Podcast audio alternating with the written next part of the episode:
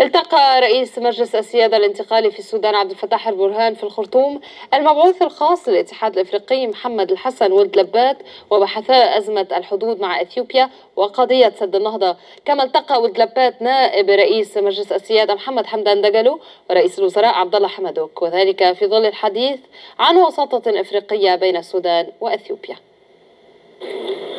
الاتحاد الإفريقي يبدأ جهود وساطة لتخفيف التوتر بين السودان وإثيوبيا. المبعوث الخاص للاتحاد محمد الحسن ولد ربات التقى في الخرطوم قادة البلاد وبحث دعم الفترة الانتقالية وكذلك التطورات الإقليمية التي تشهدها المنطقة فيما يتعلق بالأزمة الحدودية بين السودان وإثيوبيا. وقاد ولد ربات جهود التوصل لاتفاق الفترة الانتقالية في السودان عام 2019 ويحاول الآن على ما يبدو المساهمة في حل الأزمة مع إثيوبيا.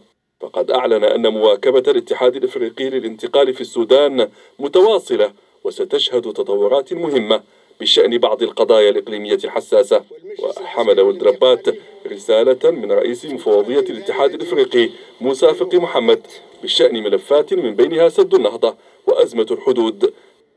وتضمنت تشديدا على مبدأ الحلول السلمية. يأتي ذلك فيما طالبت إثيوبيا. السودان باللجوء إلى تسوية سلمية لأزمة الحدود والابتعاد عن الاستفزاز.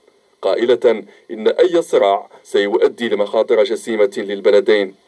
وشددت إثيوبيا على التزامها بالتسوية السلمية للخلافات من خلال الاتفاقات والآليات الثنائية.